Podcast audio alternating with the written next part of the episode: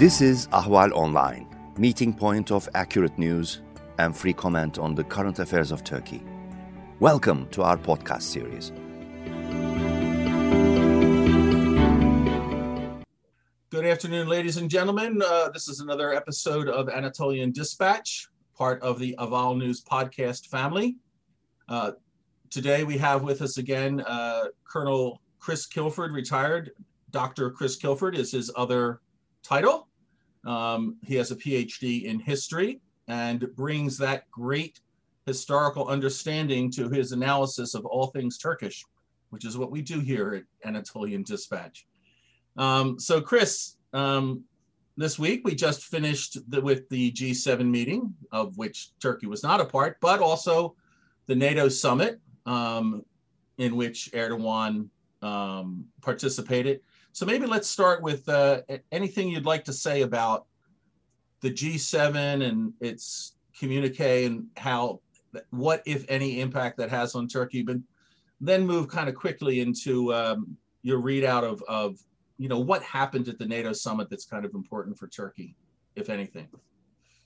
Well, I, I thought, first of all, it was nice to see that um, we had President Biden there. I think everybody around the table was breathing a little easier, let's say, compared to the last meeting that took place.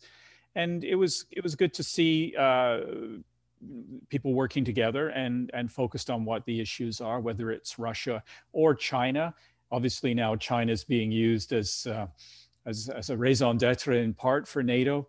And then the question of Afghanistan, which really puts Turkey front and center because uh, there has been speculation, discussion that Turkey would would take over command of the. Uh, uh, uh well, they do some of the security now, but actually run the airport uh, as uh, NATO uh, forces and um, American forces not attached to NATO depart, which is which is fine. You know, I spent a year in Afghanistan myself and flew in and out of that Kabul airport many times, and um, we had a military presence of our own there. But uh, this is this is quite an interesting thing for Turkey because we know the Taliban has said, well, we're not that interested in having you there.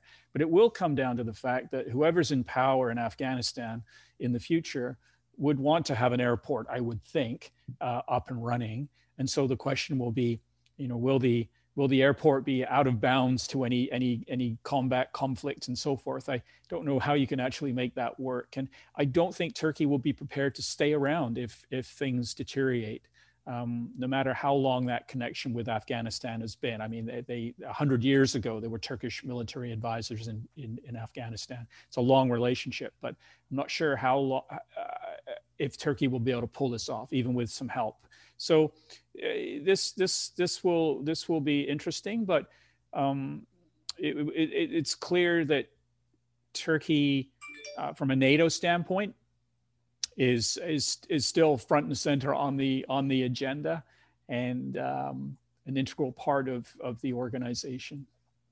Yeah, yeah. I mean, there had been speculation that Turkey was trying was going to try to leverage continued security at the airport to get the U.S. to back away on S-400s, and I, I, I read those as the lead up to the meeting between Erdogan and Biden, and said, no, I you know I, I mean what. Yeah was that ever really? I, I can't imagine that was seriously considered by anyone that that somehow Turkey would leverage its commitment to the Kabul airport to get the U.S. to back down on S-400s. I mean, they're so disjointed. I don't know how well, anybody you could know, actually write that stuff. I'm sure if you were in the Turkish uh, Ministry of Foreign Affairs, there would be a whiteboard up on the wall, and you would have your marker and you would be trying to sketch out as many potential options that you can think of.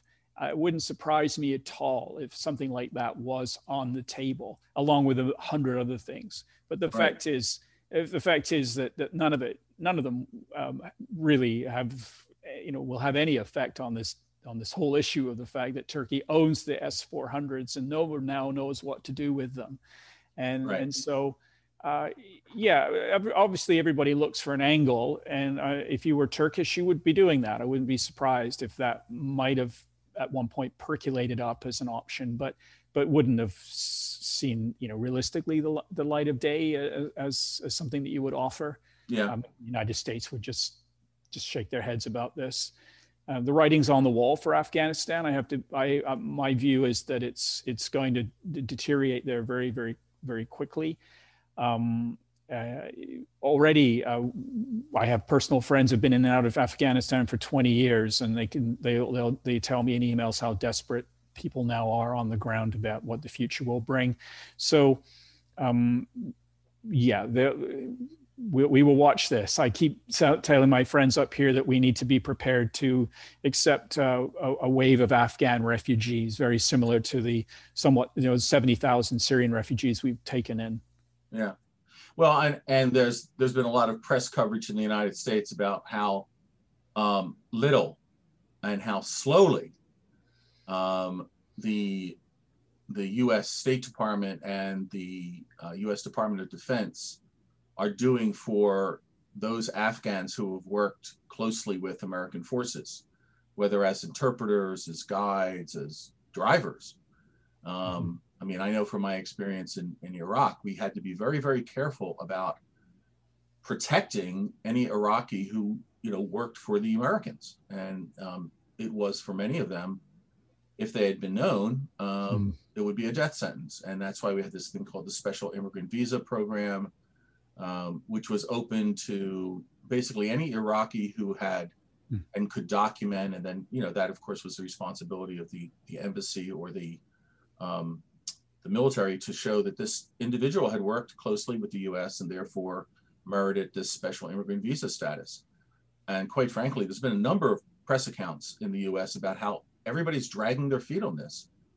Um, and there's a lot of concern because it's clear that the people who are writing these stories are writing them because they're hearing that the situation is going to, if not collapse in September, um, it's going to deteriorate so quickly that anyone who's left behind who has an association with the US had better get out quickly.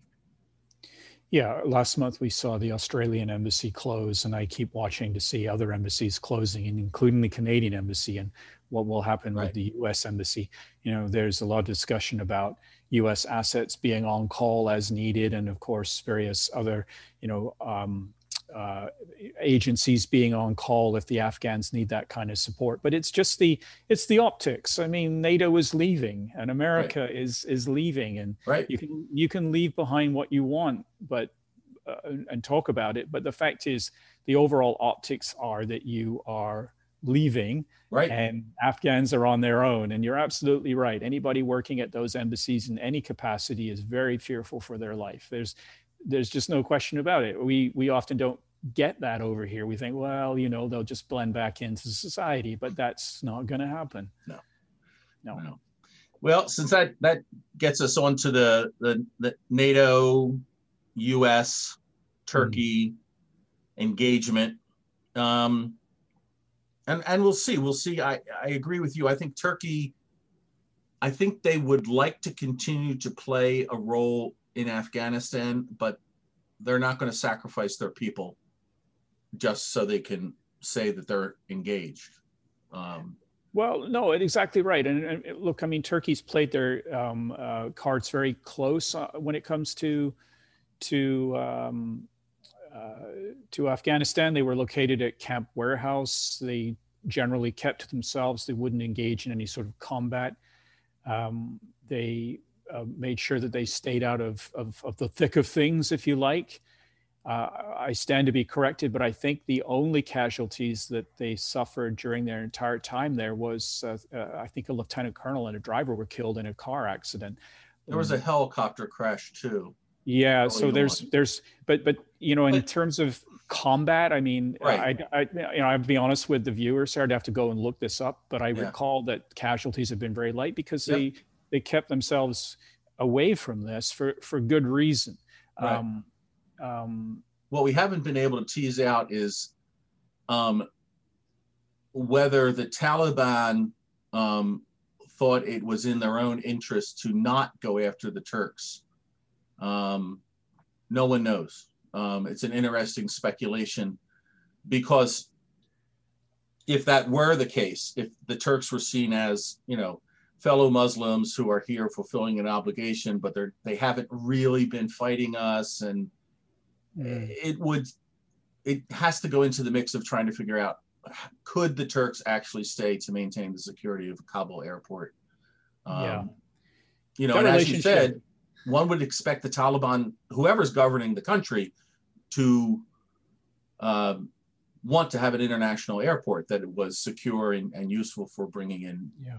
Commerce. One would expect that, but but let's let's move Yeah. on to uh, you know the, the kind of in in a sense the big news, the the much ballyhooed news, ballyhooed news um, that um, Erdogan Biden had a meeting after the, and then there was a nice little interesting press readout by Biden. So, um, what's what's your take on Erdogan and and Biden and that meeting they had? So the first thing I have to say is that a, a, a lot of the commentary uh, that I've been looking at has said that the two met for 45 minutes, which was which is fine. That's true.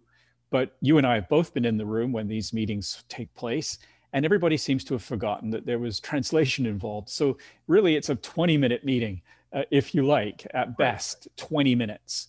And in that 20 minutes, there's an awful lot that has to be said. And and if if anybody has watched um, President Erdogan uh, speak at conferences, uh, he will go on and press his point. And so I would imagine, uh, although President Biden is no pushover by any means, that he would have been listening carefully as as uh, President Erdogan went on about all of the issues that they have with the United States, for example. Uh, support with the U.S. supporting the YPG and, and the reasons why Turkey disagrees with this and, and all the other things that your viewers know uh, well. So I would imagine that this 20 to 25 minute meeting at best uh, was a lot of uh, one way with Turkey uh, pushing its point of view and President Biden listening, but of course, very well prepared that he was going to be listening to all of this. And everybody leaves the room and nice things are said afterwards.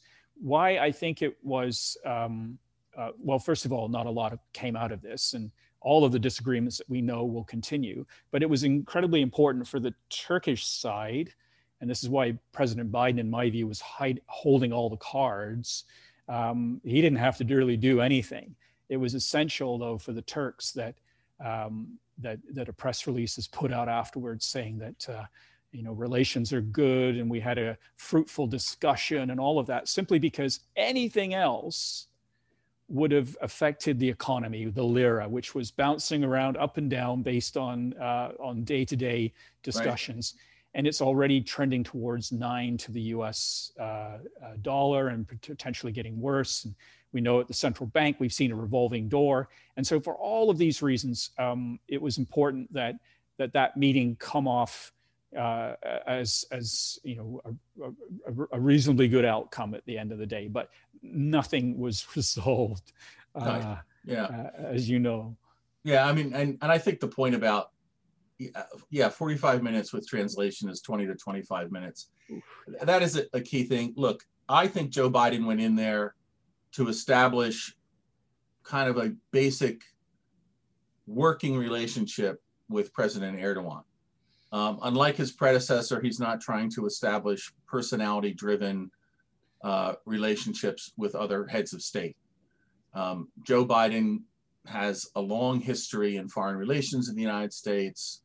And, you know, in a sense, he approaches things in a much more traditional and professional way.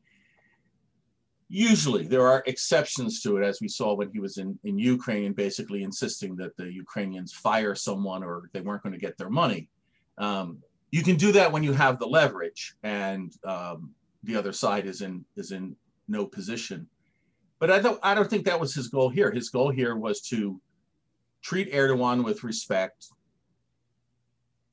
allow him to make his case, as you just said, knew full well that Erdogan was then going to come out of the meeting and say things went well. It was fruitful discussion, pleasure to talk to Biden, blah, blah, blah, all that stuff.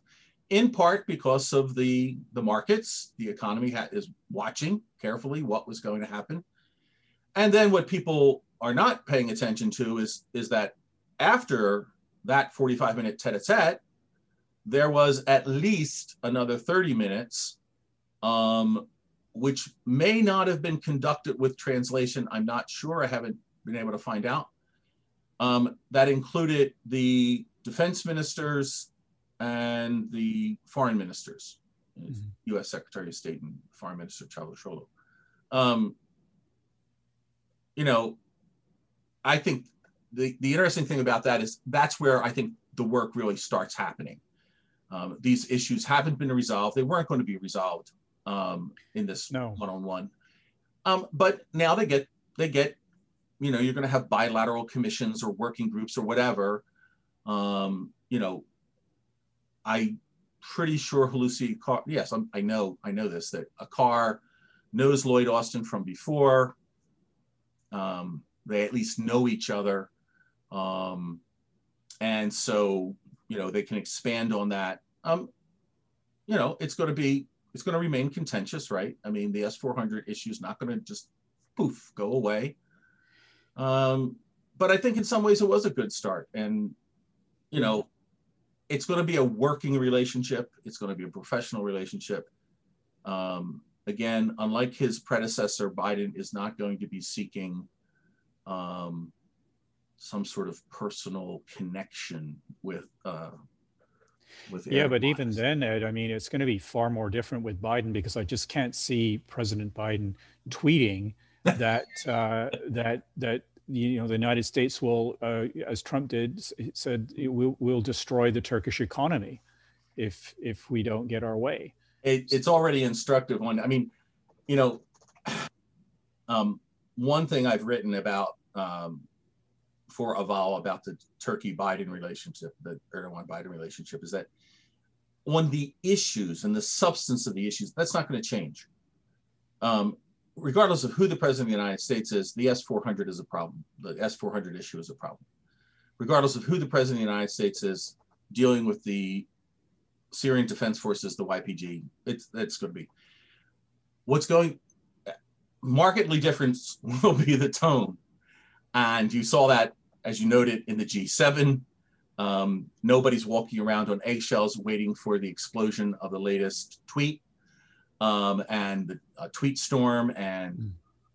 all this sort of stuff. Um, and, you know, to return to the Biden tweets, um, Biden does tweet, but you can be sure that he doesn't send anything out on the it's it's the at POTUS, President of the United States, tweet, that doesn't go out until it's been vetted by a number of people. Um, you know, it, he that's first off because again his background. So I mean, one of the things is uh, which was probably really useful for uh, for Erdogan's learning. Um, he learned in his meeting with Biden, I think, that he's not you know, yeah, he can turn on the charm campaign, um, but the results will be radically different than they were with Biden's predecessor. Uh, Donald Trump, um, you know, radically different personality. Erdogan's going to have to make serious adjustments um, in the way he deals with the new, uh, the new U.S. president yeah and and and, it, and it's very important of course because nothing has really changed if you're uh, sitting in ankara and you're the turkish president. Right. When you look around domestically your economy is in in a bit of trouble. Um, you've had a tough run through covid and uh, all the neighbors are still there and all of those issues haven't gone away and you have to manage your way through this because you've got that eye on the 2023 election. So uh, how you approach the United States is so important.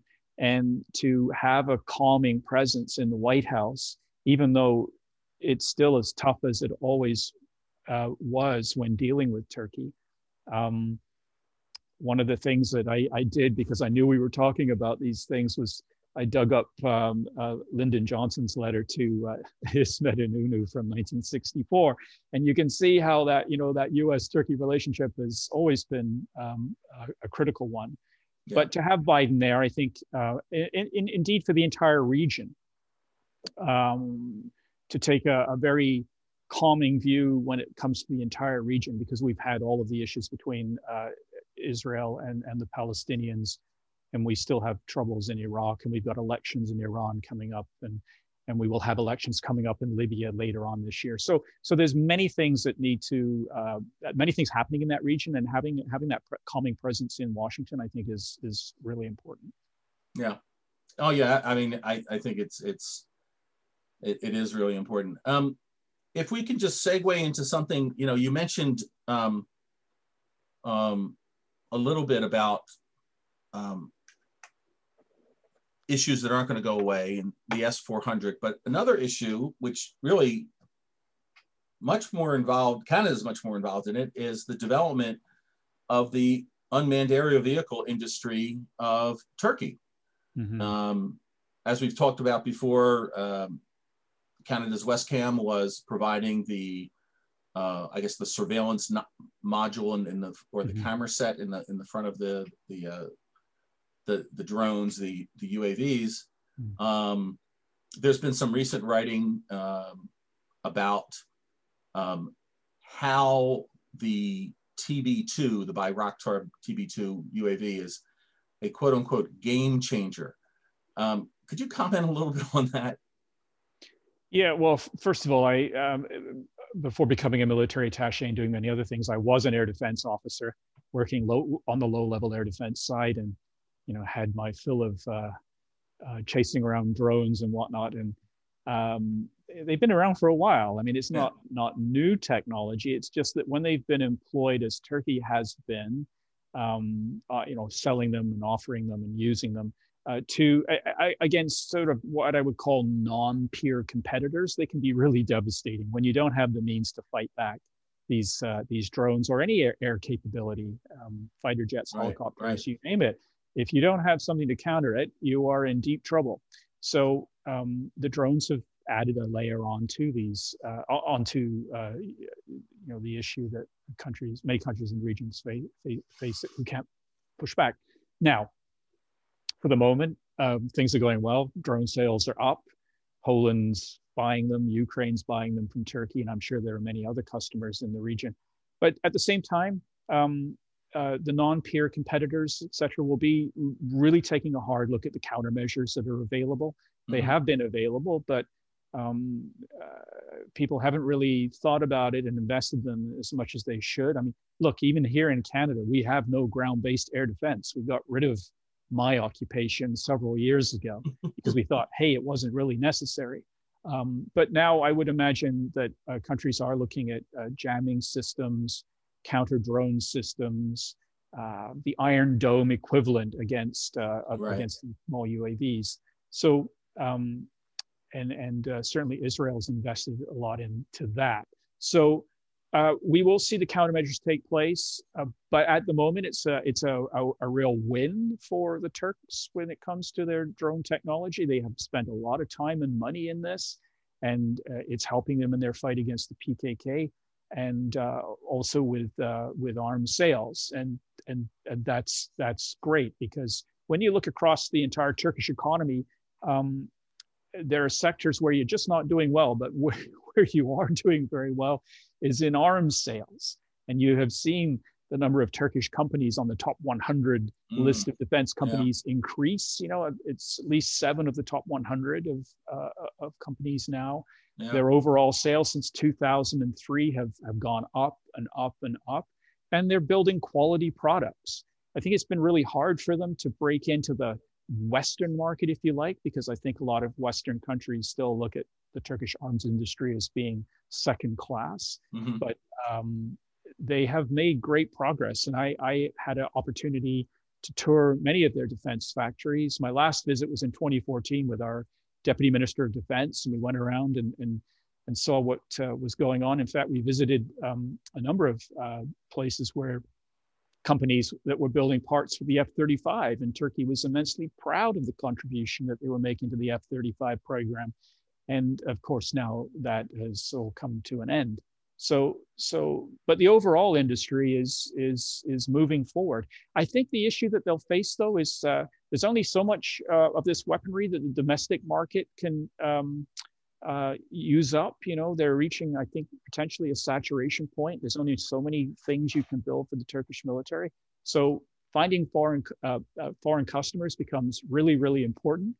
And interestingly, as you do that, I mean, as you begin to sell your weapons to more and more countries, you fi- you'll find yourself in the same dilemma that countries like Canada and the United States and others have had is, is when those countries are beginning to use those weapons that in ways that are against your interests, uh, will you now be putting arms embargoes on them as you've had done to you? And I think uh, this will be something well, that uh, will the Turks will have to face. Well, as as you know, both the United States and Canada have strict end user agreements yeah. on all the stuff that we sell. Mm. Um, there are countries, and I would imagine Turkey's one of them, that are not so strict in end user agreements. In part because Turkey has chafed under the end user agreements they had with the United States on all sorts mm-hmm. of different things. And, you know, sure. we don't need we don't need to go back to the Johnson letter.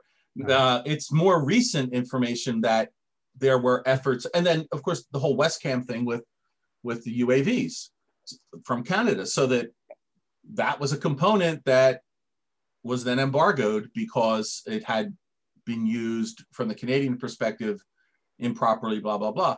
Um, it is also of some concern that um, as the quality of the Turkish products, defense products increases, um, they might not have such a hard time exporting because all they have to do is export them um, with, let's just say, loose end user agreements.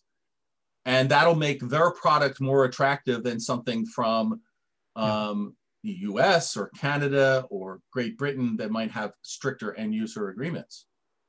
Yeah, as a responsible NATO country and all of this, they they will have to they will have to be careful how they do this because they are becoming a big player.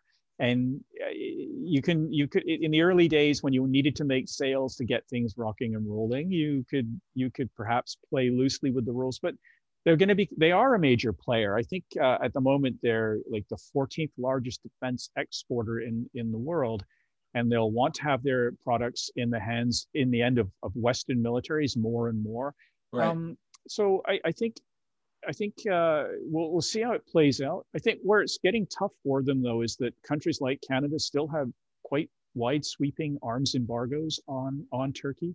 It's had they've had to push themselves domestically to right. to uh, you know uh, come up with ways to get around this by building up their own capacities, like they always have, of course, in these situations. Um, it's also getting more expensive for them to procure what they need for the weapon systems that they have. You know that, right. that, that yes, are domestically produced, but still require uh, foreign components. And um, Ismail Demir was very, very clear on this uh, in, in a talk he did recently, where he said, "Yeah, I mean, it's a, it's a real challenge." but we are still going to look for 100% um, um, of, of, of, being able to do things up to 100% for those strategic components that we need. We, we understand that we'll still have to purchase stuff from overseas, of course, but in the, in the critical pieces, we want to be 100% self-sufficient by, by 2023. And so there, you know, it's very ambitious, uh, very ambitious goals. Um, and, and we, we, you know, we can shrug our shoulders and I guess and say, yeah, okay, but when you look at what the Turkish defense industry has done since 2003, it's pretty remarkable. Yeah, I mean, um, the there are a lot of people who thought why they would think this. Um, not obviously they didn't follow closely that the the Turkish defense industry being pushed out of the F-35 program um, was going to be like a death knell, signaled the death knell for the Turkish defense industries quite to the contrary. I mean, they, you know, from a purely business perspective, they ramped up investment into niches where they already had established some competency and uh, reputation for quality to fill the gap. And um, given, if you look at the, the since the pullout from the F 35 program, you look at their defense sales abroad, they're doing okay. And, and so you, you almost think that, hmm, by being pushed out of the F 35 program, they could no longer um, um, count those sales, projected sales of F 35 components. Um, so therefore they had to fill the gap and uh, necessity is the mother of invention and they invented a way out of the, the conundrum. Yeah so another factor of course is they had wanted at least 100 of the f-35 uh, right. fighter jets. And i've said before that in, in my view with the way the lira went that they, they just weren't in a position to afford to have those f-35s and if you want to have a good example of of, of this sort of thing happening just come to Canada. Yes, I mean, we're part of the F 35 program. We have invested money and we build parts for it. But we have waffled and continue to waffle on whether or not we will actually buy the F 35 platform. We instead, to prolong the life of our F 18s, purchased surplus F 18s from Australia, stripped them down to get the bits we needed. And we're trying to keep our F 18 fighter fleet going for how long, I don't know. And coming out of COVID, do we have the money for the F-35? We have a competition, but but um, you know, um, I I sometimes think that Turkey has plans to develop its own uh, indigenous fighter uh, with the help of the British. And I I had thought to myself at one point that Canada should team up with Turkey and we can develop a fighter jet that we can both afford um, because this is the situation we find ourselves in. Right. I mean, one of the things you you you have to ask if did they ever was there any sense to 100 F-35s? I mean, you start looking at where are the threats, mm-hmm. Uh, the military threats that Turkey is going to face? Where would they come from? Um, and it's as long as they were not the initiator of the conflict, they could rely on their NATO partners to help them in any conflict.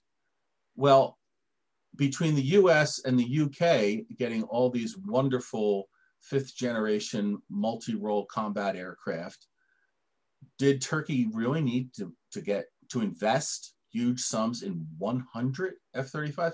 I mean, one could argue, okay, maybe two dozen maybe even three dozen, 36 um, of these, you know, super enhanced aircraft, uh, fifth generation. But 100, I mean, what was the purpose to that? Um, and it's, it's, you know, I, so I, I, I, and I think you're right. I think that they're starting to think about, okay, if we can't have the F-35, what can we do on our own and, or with some foreign partners, that mm. would be sufficient for our needs. And, and, actually looking at what, what are the needs that we have rather than um, how do we make ourselves a big important member of this, this program? Yeah, I think um, being part of the F-35 program, simply for many militaries, it's being able to match or, or be a part of what the U.S. has to offer. Yeah. You're on the A team. Right. We had wanted 65 of them. Um, that's probably what we will end up 65 of something. Mm-hmm. Um, obviously, developing your own indigenous fighter is fraught with difficulties. It's expensive. It, it, can be many issues along the way. And of course, Turkey has an aging F 16 fleet. So, what do they actually do uh, moving forward, right? And the F 35 made, made a, uh, it was a good option. Um, uh, but yes, I mean, the argument can always be why do you need 100 F 35 fighters? Canada, for example, with our aging F 18s, provides uh, quite often um, air defense coverage for, for example, Romania. Mm-hmm. Uh, we go in and out quite often to Romania. And, and that's, uh, you know, collectively all the NATO partners working together. But what I think when it comes to Turkey, though, the mindset's a little different. Uh, yes, Turkey wants to be a part of NATO yes, they will take NATO's support from time to time in the sense of the of the air defense systems that are deployed in the south and with AWACS and so forth. But an over reliance on a on a, on a, a block or one particular country is not in Turkey's DNA. I mean, we are we are talking about the former Ottoman Empire here, right? Uh, a country with tremendous influence for centuries in the region and to uh, imagine that, that Canadian, for example, fighter jets would be flying over Turkey, providing that country's air defense coverage because they can't. um, is just unimaginable. Yeah. So, so for Turkey, this is a matter of uh, national pride that they have the best systems available. Um, whether or not they use them to in combat ever, it, it's simply being able to have that option, and and that's that's critical uh, to yeah. them. You know, it's easier for us over in Canada and even in the United States, but certainly in Canada, we don't we don't have to worry about a, a quarter of what a country like Turkey has to worry about on on any given day. Well, I don't know. I mean, uh, still, I, I understand that the uh, the Pentagon still has its uh, its plans to repulse the Canadian invasion of the United States. Uh, I think it was 1934 that was produced. Yeah. Um, yes. so I'm sure. And, and, I'm sure it's sitting on some shelf. But you know, I mean, this is one of the great.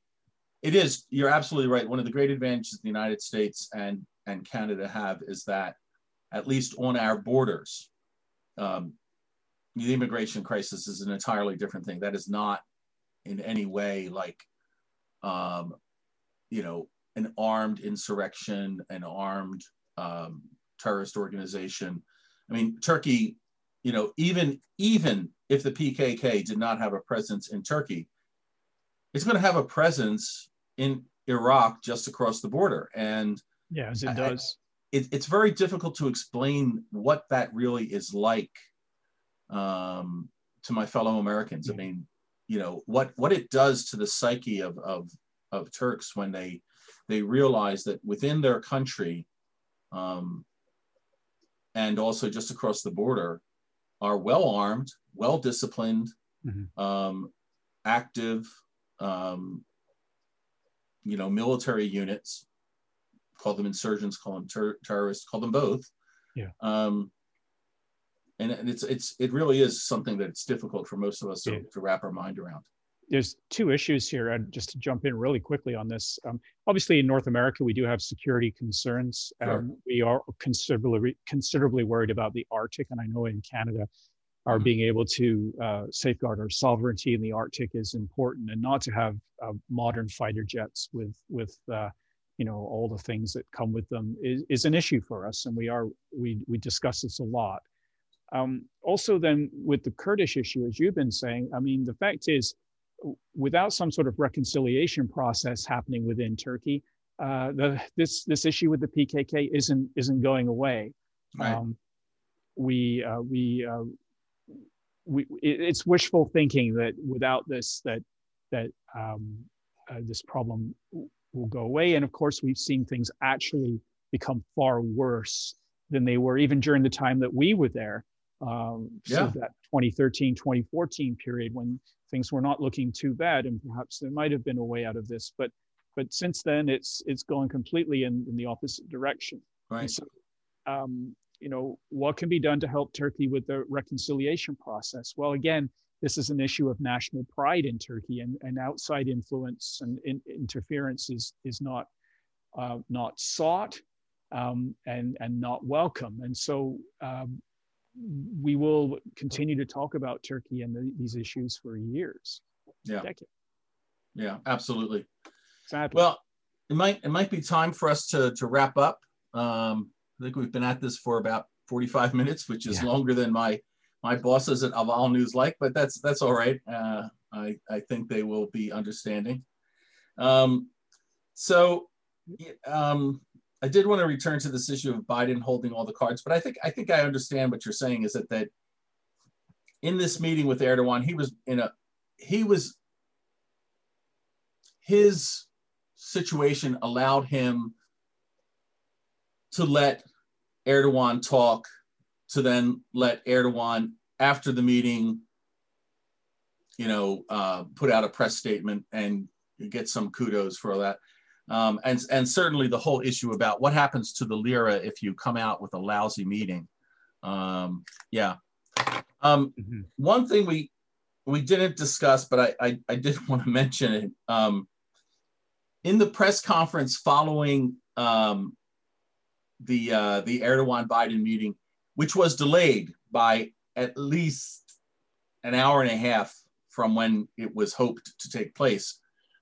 Um, you know, Erdogan gave a press conference, separate press conference, in which he said it was a fruitful meeting and good, and it was, you know, blah blah blah. Um, Biden came out to give his his comments on the meeting, but he spent the first five minutes talking about how important it was for Americans to continue getting vaccinated against COVID. Yeah, yeah. And I thought to myself, okay, master of deflection, don't really want to talk about the meeting I had with Erdogan because, you know, so what am I going to use to deflect from that? We'll talk about COVID. I, and I, I, am sure that there weren't that many questions also. Um, no. Coming from the audience. The, the, the questions that, he, that that Biden eventually got after uh, after you know he he talked about COVID, but then he talked about G7, then he talked about NATO summit. Mm-hmm. Um, no, the questions he got were either um, how forceful will NATO be? Um, he got a really wacko question from some journalist about uh, um, about the Republican Party falling apart in the United States, mm-hmm. which was it, it's one of those things. It, it's mm-hmm. out of bounds. I mean, mm-hmm. When you're overseas as the head of state of the United States or anywhere else, you don't talk about partisan politics. No. In, nope. in your home country. So why the reporter threw that question out, um, I don't know. Um, but and but the the real questions being asked, uh, which is I think he really prepared for, um, what's going to happen in the meeting with Putin. They yes. were all kind of forward looking. They weren't, you know, a little bit about okay, is NATO standing up to China, this sort of stuff. Um, so in, in some ways, coming out and talking about COVID first, I thought I thought was a little masterful. I mean, it it it in a sense, it kind of cleared the decks. Uh, people moved on very quickly from talking about um, about the G7 and NATO to mm-hmm. Putin mm-hmm. today. So yeah, where where many critical uh, issues will be discussed. Right. Um, but what I what I find uh, just listening to some of the commentary around the whole Putin uh, Biden meeting, um, is that you know the tendency here in the Canadian press is to uh, have a long list of all the things that Russia has done, and um, and of course, if you're in Russia, uh, you, you know the opposition is in trouble, and we don't we we don't like what we see, of course. But what I don't see in this whole discourse is is the fact that if you're sitting in Moscow looking at the West, you you've seen the West uh, uh, involved in Iraq since 2003, toppling the Libyan government, toppling the uh, attempting to topple the Syrian government, and so on.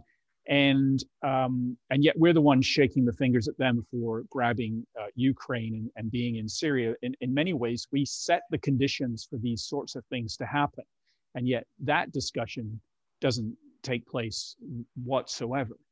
Um, we've also, of course, seen NATO expansion, European Union expansion, and even um, our tiny Canadian army has 500 of its best soldiers sitting in Latvia, commanding the battle group there. Um, we we that side of the you know how did we get to here is never really discussed. It's always just pointing the finger at the Russians as being the main main issue. And heavens knows I wouldn't want to have Putin over for tea myself, but but I, I raised this issue. I raised this issue because we seem to only ever talk about one side of this story. Yeah, well, and uh, and um, Biden's predecessor got into a lot of trouble by saying not exactly the way you just said them, which is much more articulate than the way Trump said them, but he actually raised that issue. Um, why is it all the time that we pretend that the U.S. doesn't have any any uh, any blame in the conflicts that occur? Um, and he, of course, was excoriated for suggesting that there was some sort of moral equivalence between the United States and, and Russia, which is not what he was saying. Um, but again, he's not a very int- articulate speaker. He doesn't do nuance well. But he, he, like you, was raising an important point, which is you can't really understand an adversary or opponent or enemy or competitor, whichever one of those terms you want to use, unless you learn how to see it from his perspective, not only your own. I mean, this goes all the way back to high school debate. I mean, debating teams in high school, the first one of the first lessons they're taught is okay, you're on the other side. Make his best argument. Mm-hmm. Because mm-hmm. until you can make the best argument from the other point of view, you are not going to be able to make a good argument against it from your point of view. Yeah, I think also it points to being able to diffuse situations, right. even though you found yourself in a bad situation because of decisions that have been made before.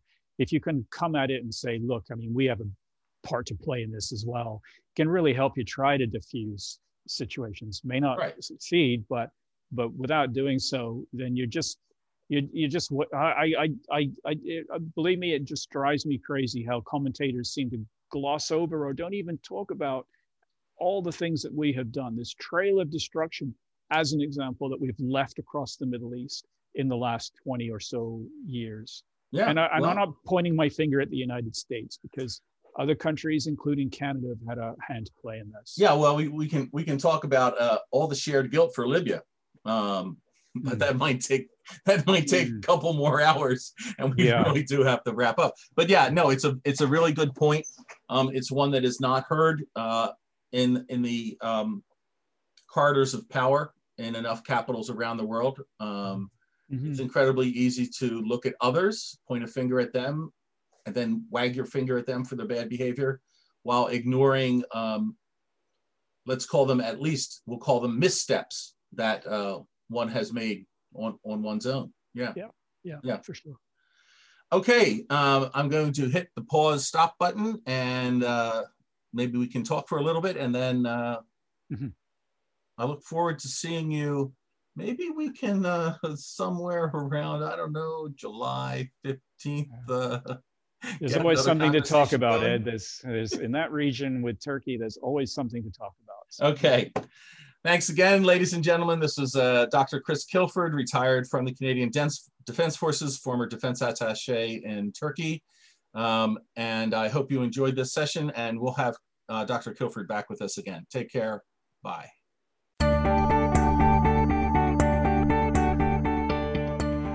You can follow Ahval News Online podcast series through Apple Podcasts, Spotify, YouTube, Google Podcasts, SoundCloud, and Spreaker.